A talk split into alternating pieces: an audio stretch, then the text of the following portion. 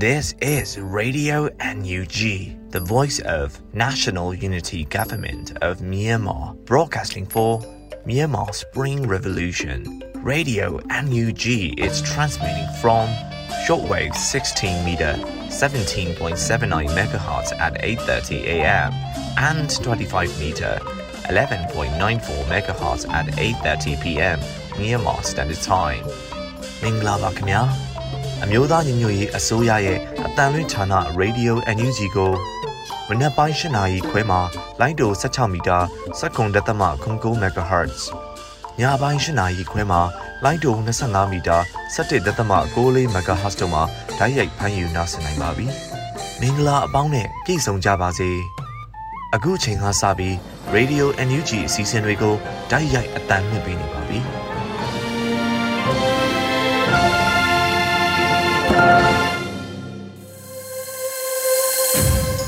မြန်မာနိုင်ငံသူနိုင်ငံသားပေါင်းတဘာဝပြီးဆရာနာရှင်တို့ကနေကင်းဝေးပြီးကိုစိတ်နှပါပေးကင်းလုံခြုံကြပါစေလို့ရေဒီယိုအန်ယူဂျီဖွယ်သားများကဆုတောင်းမေတ္တာပို့သလိုက်ရပါတယ်ရှင်။အခုချိန်ကစပြီးကာကွယ်ရေးဝန်ကြီးဌာနရဲ့စီရေးသတင်းချင်းချုပ်ကိုတော့ဖုံးမြင့်တွေမှဖတ်ကြားတင်ပြပေးပါမယ်ရှင်။ကာကွယ်ရေးဝန်ကြီးဌာနအမျိုးသားညီညွတ်ရေးအစိုးရမှထုတ်ဝေသောနိုင်စဉ်စီရေးသတင်းအချင်းချုပ်ကိုတင်ပြပေးပါမယ်။စစ်ကောင်စီနှင့်တိုက်ပွဲဖြစ်ပွားမှုသတင်းများမှာ ကရင်ပြည်နယ်2022ခုနှစ်မတ်လ21ရက်နေ့နံနက်ပိုင်း၌ကော့ကရိမြို့နယ်အန်ဖာကြီးနန်းရွှေမုံဖန်ခါကုန်းတောင်ကြအင်းကျေးရွာများတွင် KNL ပူးပေါင်းတပ်များနှင့်စစ်ကောင်စီလက်အောက်ခံတပ်များတိုက်ပွဲဖြစ်ပွားနေကြောင်းကော့ကရိခလာရ69လှိုင်ဝအမြောက်ကုန်းစကခစနစ်အမြောက်ကုန်းတို့မှလက်နက်ကြီးဇက်တိုက်ပစ်ခတ်နေပြီးမြေပြင်တိုက်ပွဲအခြေအနေအရနှစ်ဖက်ထိခိုက်ကြဆုံးမှုများရှိနေကြောင်းသတင်းရရှိပါတယ်။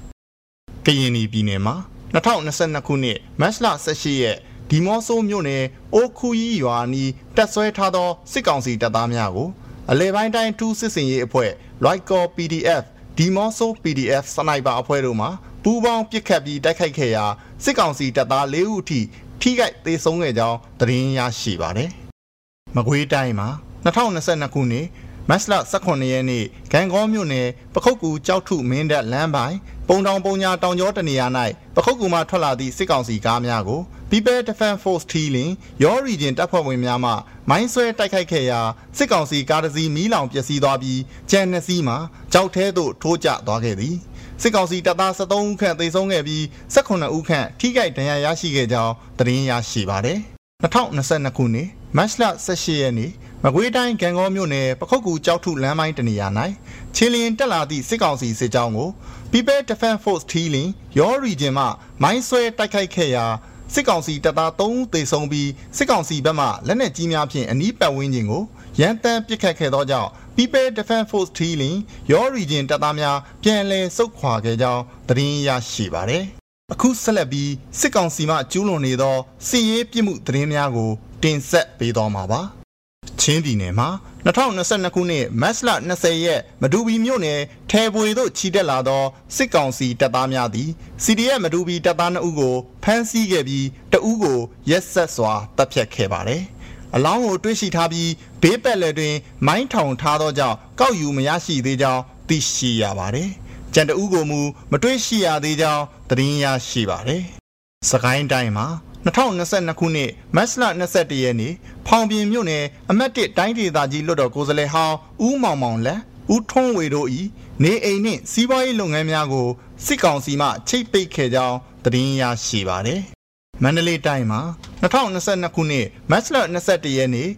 မနက်ပိုင်းတွင်စင်ငိုင်မြို့နယ်စောရဲရွာသားတဦးဖြစ်သောတရားဦးလေစိတ်တွင်တာဝန်ထမ်းဆောင်နေသည့်အသက်25နှစ်အရွယ်ရှိပိုးပြည့်သူဟာ အလုတ်သွားရန်ရွာမှထွက်လာချိန်အမြန်လန်းသို့အထွက်တွင်စစ်ကောင်စီမှပြစ်ခတ်ခဲ့ပြီးအခင်းဖြစ်ပွားသည့်နေရာမှကြီးကုံများကိုလည်းစစ်ကောင်စီမှကောက်ယူသွားခဲ့ကြောင်းသတင်းရရှိပါတယ်။ရန်ကုန်တိုင်းမှာ2022ခုနှစ်မတ်လတွင်ဖုပန်တာလုပ်ငန်းရှိအလုတ်သမားများကိုပို့ဆောင်ကတဝက်ကျော်ရှော့ချခဲ့ခြင်းကြောင့်မတ်လ16ရက်နေ့တွင်ဝန်ထမ်းအများစုသည် အလုံးမှရက်နေ၍တပိတ်မောက်တောင်းဆိုမှုများပြုလုပ်နေခဲ့ပြီး21ရက်နေ့၌ ရန်ကုန်တိုင်းဗဟန်းမြို့နယ်ဘိုးစိန်မန်ကွင်းထဲတွင်ဖူပန်ဒါရိုက်တာများသည်ဝေးလန်းချောင်းလောက်ခလာစာရှော့ချခံရမှုနှင့်ပတ်သက်၍စုယုံညှိနှိုင်းနေကြခြင်းစစ်ကောင်စီတပ်နှင့်စစ်ကောင်စီလက်အောက်ခံရဲတပ်ဖွဲ့ဝင်များမှဝင်ရောက်ဖမ်းဆီးသွားခဲ့ကြောင်းသတင်းရရှိပါတယ်။အေယာဝတီတိုင်းမှာ2022ခုနှစ်မတ်လ20ရက်နေ့ညနေပိုင်းမအူပင်မြို့နယ်အမှတ်9ရပ်ကွက်တွင်နေထိုင်သော ကိုဆိုင်နေမျိုးတန့်ကိုမုံတိုင်းအရှိန်ကြောင့်လေပြင်းများတိုက်ခတ်နေသည့်ရုပ်သံဖိုင်အားလူမှုကွန်ရက်ပေါ်တင်ခဲ့သောကြောင့်စစ်ကောင်စီမှဖမ်းဆီးခဲ့ကြောင်းသတင်းရရှိပါတယ်။အခုတင်ပြပေးခဲ့တဲ့သတင်းချက်လက်များကိုမြေပြင်သတင်းတာဝန်ခံများနှင့်သတင်းဌာနများမှဖော်ပြလာသောအချက်လက်များပေါ်အခြေခံ၍ပြုစုထားတာဖြစ်ပါတယ်ခင်ဗျာ။ကျွန်တော်ကတော့ဖုံးမြက်ຫນွေဦးပါ။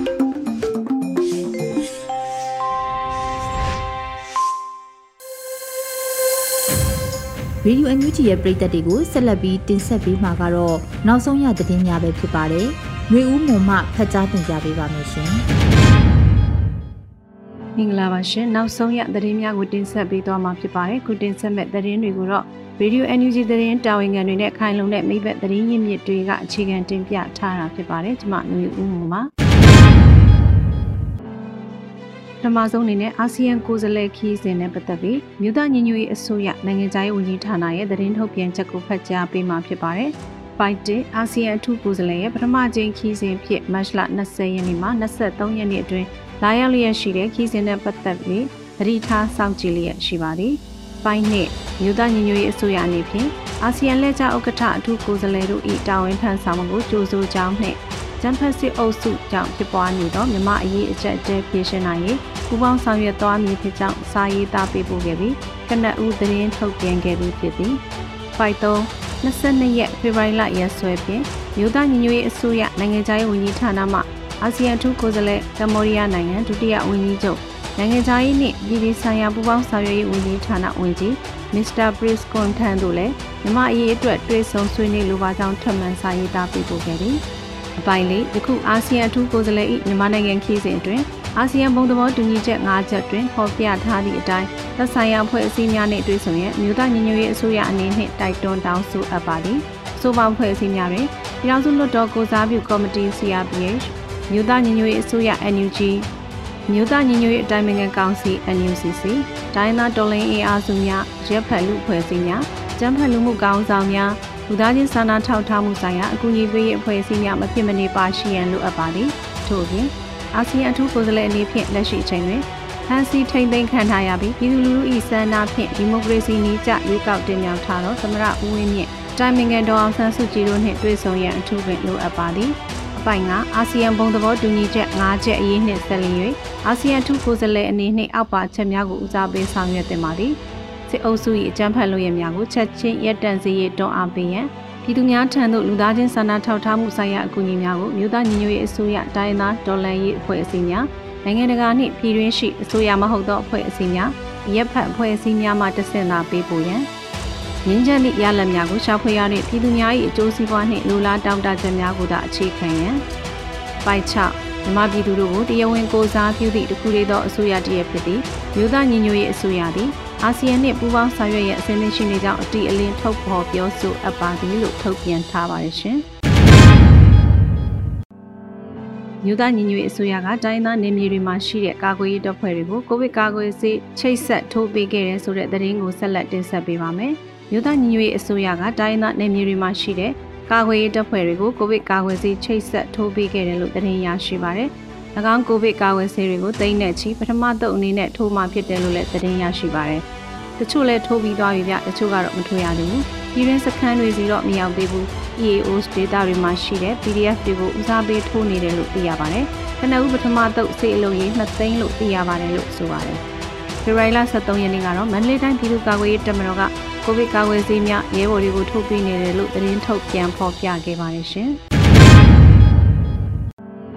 ဆီယနာရှင်ထောက်ခံသူများဆိုရှယ်မီဒီယာတွင်လူစိတ်ဝင်စားမှုရရှိလာအောင်ပုံမလုံးဆောင်လာ၍၎င်းတို့ကိုတပိတ်မောက်ရန်တိုက်တွန်းတဲ့သတင်းကိုတင်ဆက်ပေးပါမယ်။ဆီယနာရှင်ထောက်ခံသူတွေဟာဆိုရှယ်မီဒီယာပေါ်မှာလူစိတ်ဝင်စားမှုရရှိလာအောင်ပုံမလုံးဆောင်လာတဲ့အတွက်ကြောင့်၎င်းတို့ကိုတပိတ်မောက်ရန်ထောက်ဖို့လူငယ်တွေကတိုက်တွန်းပြောကြားလိုက်ပါတယ်။စစ်တပ်ထောက်ခံတဲ့လူပညာရှင်များစစ်တပ်မိသားစုတိုင်ဝမ်များဟာဆိုရှယ်မီဒီယာကိုမတ်လအတွင်းပုံမှုအသုံးပြုလာပြီး ဈေးရောင်းချတာတွေဖျော်ဖြေတာတွေနဲ့လူစိတ်ဝင်စားအောင်ပြုမှုလုပ်ကင်ပြလာတာတွေရှိနေတယ်လို့သတင်းရရှိပါတယ်။ကျွန်တော်တို့အနေနဲ့အကြံပြုလိုတာကပြည်သူတွေဒီတော်လှန်ရေးကြီးအောင်မြင်မှုရာဂိုင်းတို့များလာလိမ့်လေကာလာမှာအာယုံမလွဲသွားဖို့တော်လန်ရေးကိုပဲဒီဇိုင်းမမတ်အာယုံဆိုင်ဖို့ပြည်သူလူထုကိုတိုက်တွန်းလိုတယ်။နောက်တစ်ခုကစက္ကစဘကအမှုပညာရှင်တွေနဲ့မိသားစုတွေကိုဘိုင်းကောက်လုပ်ဖို့က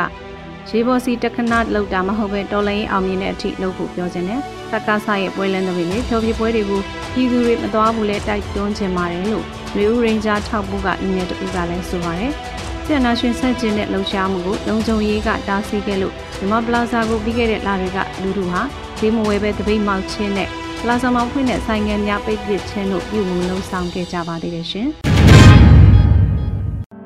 ဘူသူရိန်တရင်မှလက်လုံတနက်များတီထွင်အောင်မြင်နေပြီဆိုတဲ့သတင်းကိုတင်ဆက်ပေးပါအောင်ရှင်။ ဘူသူရိန်တရင်မှလက်လုံတနက်များတီထွင်အောင်မြင်နေပြီလို့သတင်းရရှိပါတယ်။မတ်လ22ရက်မှာဘူသူရိန်တရင်ရင်းမပင်ကအတိပေးပြောကြားခဲ့တာပါ။ဆီယနာရှင်ကိုတော်လန်တိုက်ခိုက်ဖို့အတွက်အားပေးထောက်ပံ့ကူညီပေးကြသောမိဘပြည်သူများရဲ့ဆွမ်းဆွမ်းတမန်ကူညီပေးပြီးတော့ကျွန်တော်တို့ဘူသူရိန်တရင်မှာလက်နက်တွေကိုထုတ်လုပ်အောင်မြင်နေပြီဖြစ်ပါတယ်။စစ်ကောင်စီတပ်များနဲ့တိုက်ခိုက်ရမှာလည်းထိရောက်မှုများရှိပြီးစစ်ကောင်စီတပ်တွေကိုအထိနာအောင်ပြုလုပ်နိုင်တဲ့အထိတက်ရောက်မှုတွေရှိပါတယ်လို့ဆိုထားပါတယ်။ တနက်တက်လက်ပြုလုပ်ဖို့ရန်အတွက်တသိန်းတသိန်းခွဲဝန်းကျင်ကုန်ကြကြောင်းသိရှိရပါတယ်။လက်ရှိမှာစကိုင်းတိုင်းဒေသဟာစစ်ကောင်စီတပ်များအင်အားရာနဲ့ချီစစ်ကြောင်းထိုးတဲ့နေရာလည်းဖြစ်ပါတယ်။ကျွန်တော်တို့နဲ့တိုက်ပွဲတွေအတူမပါဝင်နိုင်ဘူးဆိုရင်တော့ကျွန်တော်တို့အတွက်တနက်တိုက်ခိုက်ရေးပစ္စည်းများထုတ်လုပ်နိုင်မှုအတွက်ကူညီထောက်ပံ့ပေးတာကလည်းကျွန်တော်တို့နဲ့အတူတိုက်ပွဲတဲ့ဝင်တိုက်ရတယ်လို့ပါပဲကျွန်တော်တို့ PDF များနဲ့မိဘပြည်သူများအတူတကလက်တွဲပြီးပြန်လည်ကူညီကဆီယာနာရှင်စနစ်ကိုအမြင့်ဖြတ်တော်လှန်ဖို့အ ဆုံးထိတိုက်ပွဲဝင်ကြပါစို့လို့ဘူသူရင်တက်ရင်ကဆိုထားပါတယ်ရှင်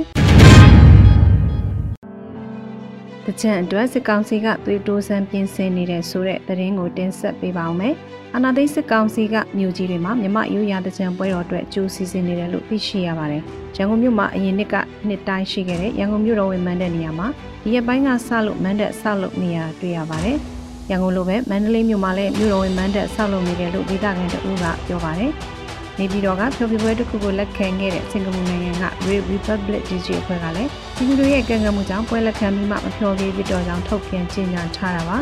နေပြည်တော်မှာနေထိုင်တဲ့ရင်းမြစ်တဦးကတော့နေပြည်တော်မှာတစ်ချက်မတ်တက်တွေစောင့်နေတာကိုမတွေ့ရသေးဘူးလို့ပြောပါတယ်ခုကအချို့အမှုပညာသမားအချို့စစ်ကောင်စီပွဲချို့မှာပျော်ပြမှုပြုလို့ဝေဖန်ခံရတာတွေရှိပေမဲ့ social punishment အားနည်းလာတာကိုတွေ့ရပါတယ်ဒါအပြင် online မှာ e-book fighter များလည်းအားနည်းလာပြီး ရခင်ကလိုပုံမှန်ပြီးစိုးကခုံချမှာကိုစိုးရိမ်မှုများလည်းရှိနေကြောင်းသိရပါတယ်။ကိုဗစ်ကရောဂါစတင်ချိန်ကစလို့ပြည်သူတွေပကြံပွဲမဆင်နွှဲရတာနှစ်နှစ်ရှိပြီဖြစ်ပါတယ်။ဒီလာမယ့်နေ့ပကြံကတော့ဂျပန်စစ်တပ်ကအာဏာသိမ်းတာကြောင့်ပြည်သူတွေမဆင်နွှဲကြမဲ့တတိယမြောက်ပကြံဖြစ်လာမှာဖြစ်ပါ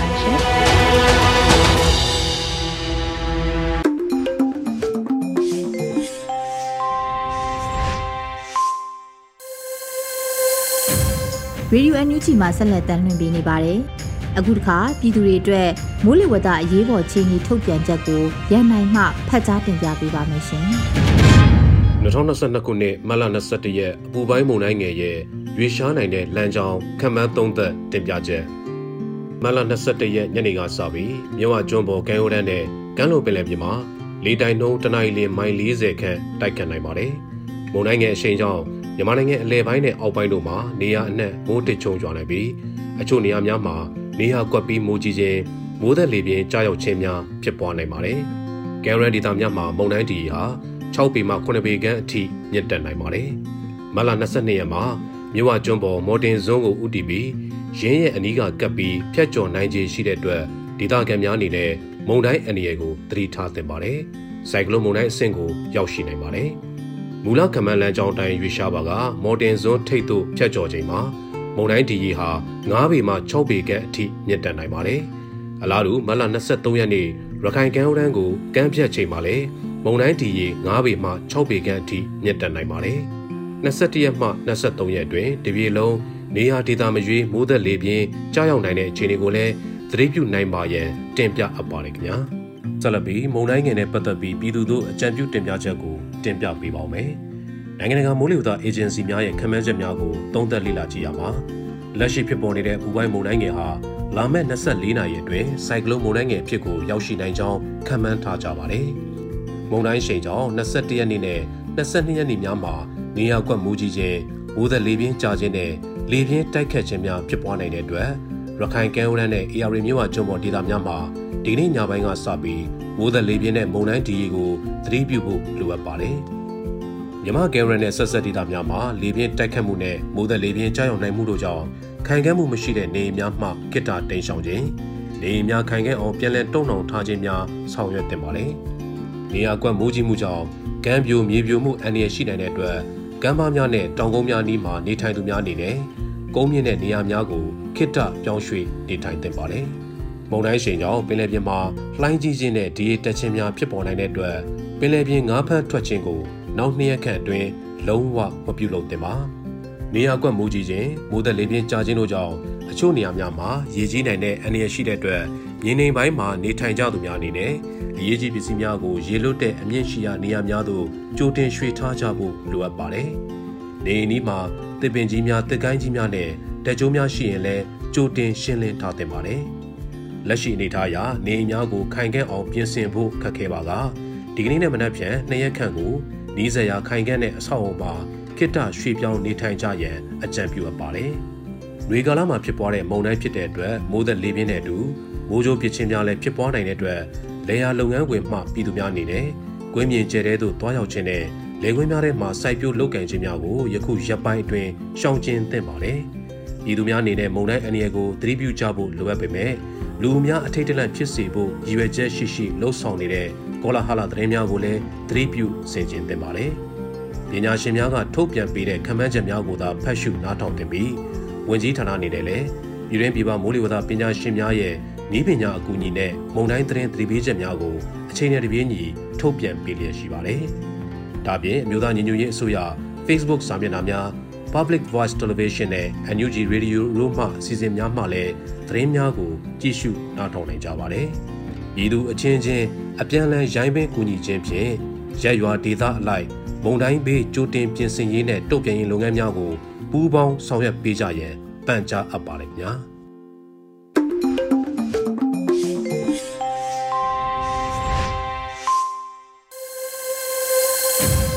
အခုဆက်လက်ပြီး Radio NUG ပရိသတ်တွေကိုတင်ဆက်ပေးမယ့်အစီအစဉ်ကတော့ပြည်သူခုခံတော်လှန်စစ်တရင်များဖြစ်ပါတယ်။မြို့ဦးလင်းမှဖတ်ကြားတင်ပြပေးပါမယ်ရှင်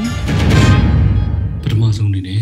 ရန်ကုန်မှာဘုံတွေပောက်ခွေခဲ့တဲ့တရင်ကိုတင်ဆက်မှာပါ။မတ်လ19ရက်နေ့ည10:00နာရီခွဲဝန်းကျင်လှိုင်သာမြို့နယ်အမှတ်6ရပ်ကွက်ရှိပြည်မုန်းနေလမ်းမကြီးနေတွင်ကင်းပန်ရန်စုယုံနေသောစစ်ကောင်စီလက်ပါစီများကို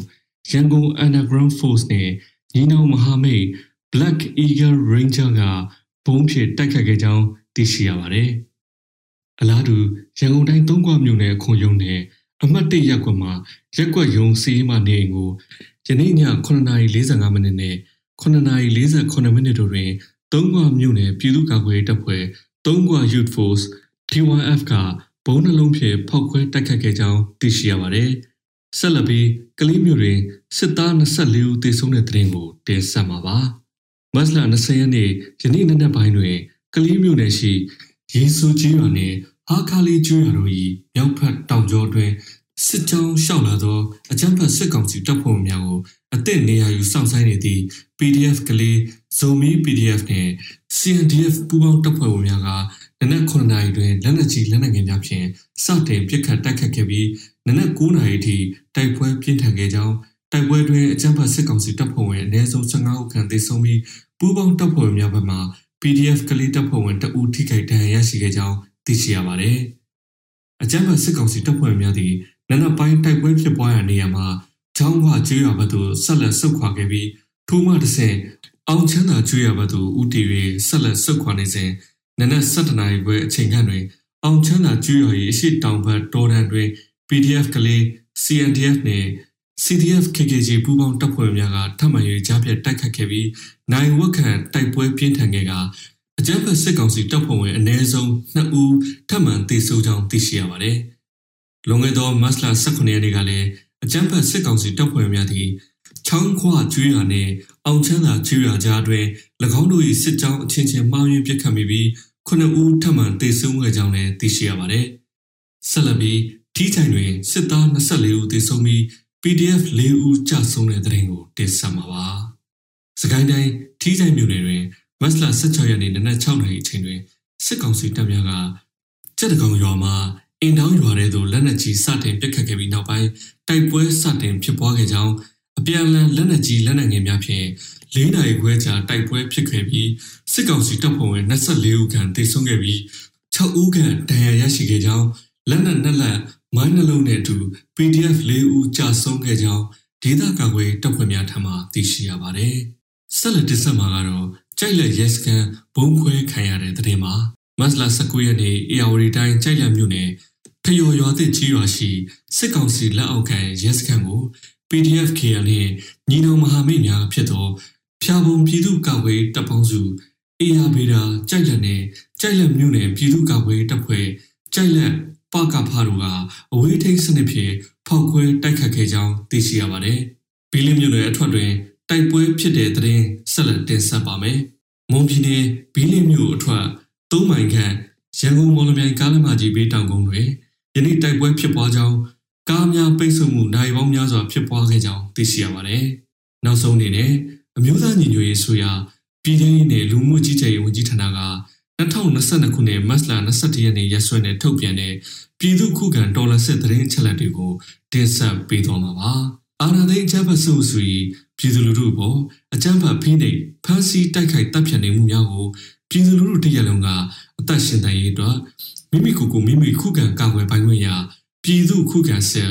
People Defenses War ကိုဆင်နွှဲလျက်ရှိပါတယ်။တရင်ချက်လက်များအရ20ရက်3လ2022ခုနှစ်နေ့ရက်တွင်စစ်ကောင်စီတပ်ဖွဲ့ဝင်69ဦးသေဆုံးပြီး ထိခိုက်ဒဏ်ရာရရှိသူ18ဦးအထိခုခံတိုက်ခိုက်နိုင်ခဲ့ပါတယ်။စစ်အာဏာရှင်စနစ်မြမအမျိုးပေါ်မှာအပိတိုင်ချုပ်ကြီးရင်းနဲ့ Federal Democracy စနစ်တည်ဆောက်ရေးအတွက်ငြိမ်းချမ်းစွာဆန္ဒပြသည့်လူထုတပိတ်တိုက်ပွဲများကပြည်내နဲ့တိုင်းဒေသကြီးများမှာဖြစ်ပွားပေါ်ပေါက်လျက်ရှိပါတယ်။မြေပြင်မှာယခုတွေ့ရတဲ့သတင်းချက်လက်များထက်ပို၍ဖြစ်ပွားနိုင်ပါတယ်ခင်ဗျာ။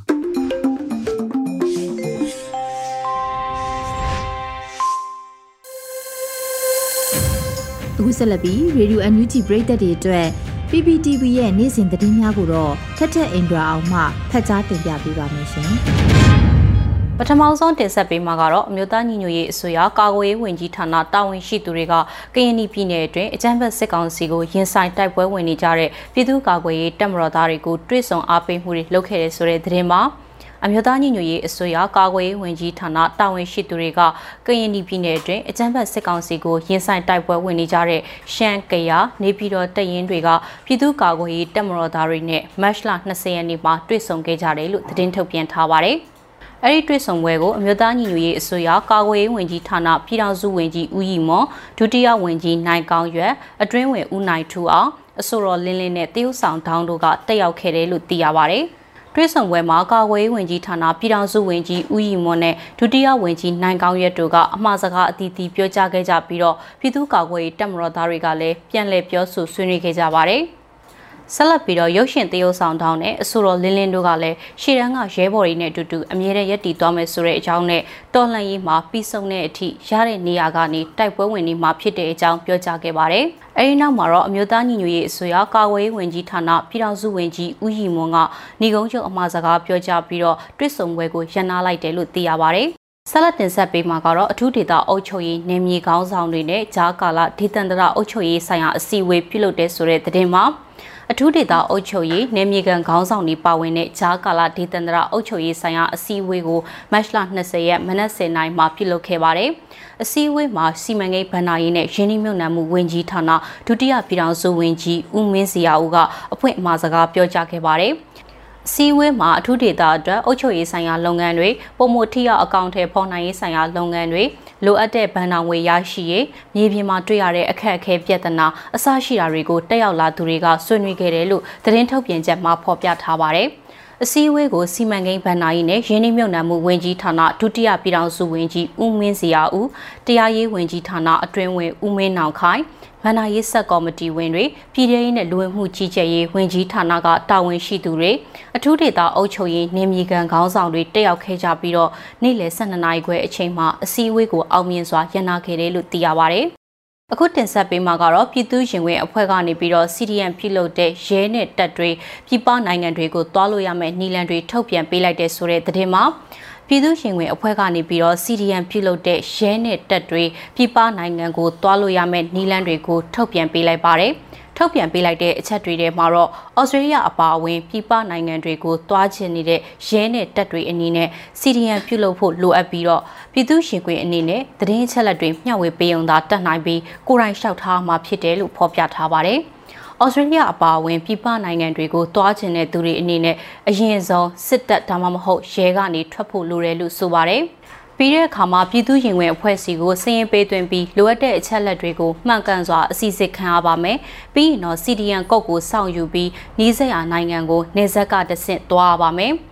လွန်မြောက်နေမြေကိုပြည်သူရင်ဝင်အစီအစဉ်နဲ့တွားရောက်နိုင်ပြီးတော့အဲ့ဒီကနေတဆင့်နေဆက်နိုင်ငံကိုကူးနိုင်ပါတယ်။ရောက်သွားတဲ့နေဆက်နိုင်ငံကနေ UNHCR ထံဆက်သွယ်ပြီးတော့မိမိရဲ့ကိုယ်ရေးအချက်လက်အပြည့်စုံနဲ့လိုအပ်တဲ့အကူအညီတွေကိုဖော်ပြပြီးအီးမေးလ်ကတစ်ဆင့်ဆက်သွယ်ရပါမယ်။အသေးစိတ်အချက်လက်တွေကိုသိချင်ရင်တော့ပြည်သူရင်ဝင်အဖွဲ့ရဲ့ Telegram Channel မှာတွားရောက်မေးမြန်းနိုင်တယ်လို့ဆိုထားပါတယ်။ပြည်သူရင်ဝင်ကပြည်သူမှပြည်သူတို့ဆိုတဲ့မူဝါဒနဲ့ပြည်သူတွေနဲ့ဖွဲ့စည်းထားတဲ့လွတ်လပ်တဲ့အဖွဲ့အစည်းတစ်ခုဖြစ်ပြီးတပ်နဲ့ရဲ CDN တို့ရဲ့လုံခြုံရေးနေထိုင်စားတောက်ရေးကျန်းမာရေးနဲ့ပညာရေးတွေအတွက်တက်နိုင်တဲ့နည်းလမ်းတွေနဲ့အဘက်ဘက်ကနေပြီးတော့အထောက်အကူပြုနေတဲ့အဖွဲ့လည်းဖြစ်ပါတယ်။ပြည်သူ့ရင်ဝင်ကိုဆက်သွယ်လာတဲ့တက်စီဒီယန်တွေအတွက်မူဝါဒဆိုင်ရာဆွေးနွေးတာတွေအပါအဝင်စီဒီယန်ကုတ်ထုတ်ပေးတဲ့လုပ်ငန်းတွေကိုပြည်သူ့ရင်ဝင်တပ်ဖွဲ့တွေကသာအမျိုးသားညီညွတ်ရေးအစိုးရကာကွယ်ရေးဝန်ကြီးဌာနတွေနဲ့ပူးပေါင်းပြီးစီစစ်ဆောင်ရွက်နေတဲ့အဖွဲ့လည်းဖြစ်ပါတယ်။ ဆလတ်တင်ဆက်ပေးမှာကတော့အာဆီယံအထူးကိုယ်စားလှယ်ရဲ့မြန်မာနိုင်ငံခီးစဉ်ပေါ်ကန့်ကွက်ကြောင်းတပိတ်အင်အားစု36ဖွဲ့ကစုပေါင်းပြီးတော့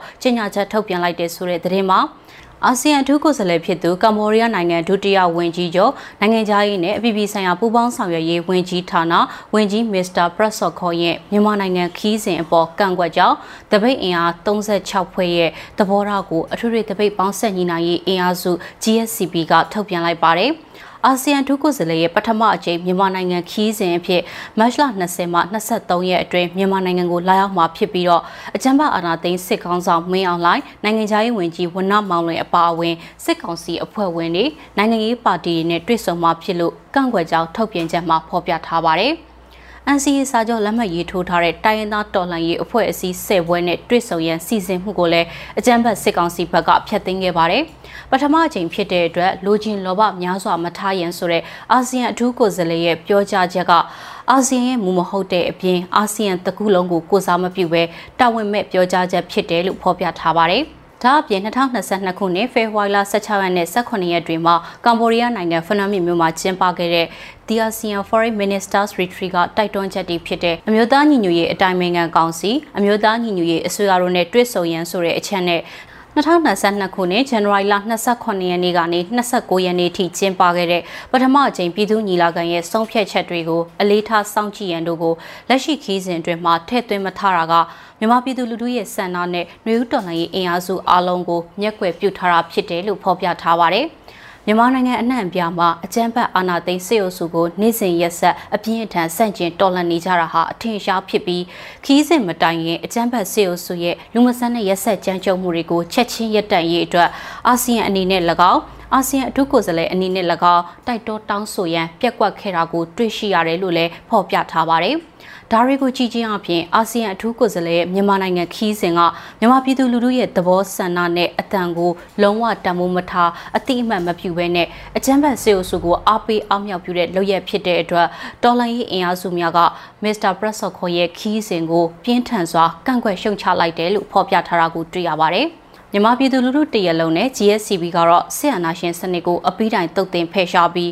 Federal Democracy ပြည်ထောင်စုတည်ဆောက်ရေးအတွက်စုံစမ်းတိုင်ဆက်လက်တိုက်ပွဲဝင်သွားမှာဖြစ်ပြီး2008ဖွဲ့စည်းပုံအောက်သို့ပြန်လည်သွတ်သွင်းတဲ့အာဆီယံအပါအဝင်နိုင်ငံတကာရဲ့မြည်သည့်ကြိုးပမ်းမှုကိုမဆိုပြက်ပြက်သားသားဆန့်ကျင်သွားမှာဖြစ်ကြောင်းလဲထုတ်ပြန်ချက်မှာအတိအလင်းဖော်ပြထားတာကိုတွေ့ရပါတယ်။ဒီကနေ့ကတော့ဒီညနေပဲ Radio NUG ရဲ့အစည်းအဝေးကိုခਿੱတရရနိုင်ပါမယ်။ မြန်မာစံတော်ချိန်မနက်၈နာရီခွဲနဲ့ည၈နာရီခွဲအချိန်တွေမှာပြန်လည်ဆုံးဖြတ်ကြပါစို့ Radio NUG ကိုမနက်ပိုင်း၈နာရီခွဲမှာလိုင်းဒို16မီတာစက္ကန့်တသမ9 MHz ညပိုင်း၈နာရီခွဲမှာလိုင်းဒို25မီတာ17သမ6 MHz တို့မှာဓာတ်ရိုက်ဖမ်းယူနားဆင်နိုင်ပါပြီမြန်မာနိုင်ငံသူနိုင်ငံသားများကိုစိတ်နှပြကျန်းမာချမ်းသာလို့ဘေးကင်းလုံခြုံကြပါစေလို့ Radio NUG အဖွဲ့သူအဖွဲ့သားများကဆုတောင်းလိုက်ရပါတယ်။အမျိုးသားညီညွတ်ရေးအစိုးရရဲ့စက်သွေးရေးတရင်အချက်အလက်နဲ့ဤပညာဝန်ကြီးဌာနကထုတ်လွှင့်နေတဲ့ Radio NUG ဖြစ်ပါတယ်။ San Francisco Bay Area အခြေစိုက်မြန်မာမိသားစုများနဲ့